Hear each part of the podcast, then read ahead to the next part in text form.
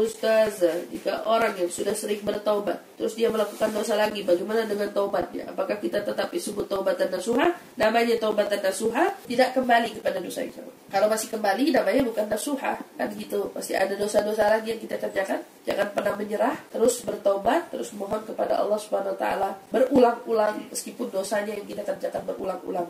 Sehingga nanti insya Allah akan datang masanya, waktunya, taubat kita betul-betul membuat kita berhenti dari perbuatan dosa kita.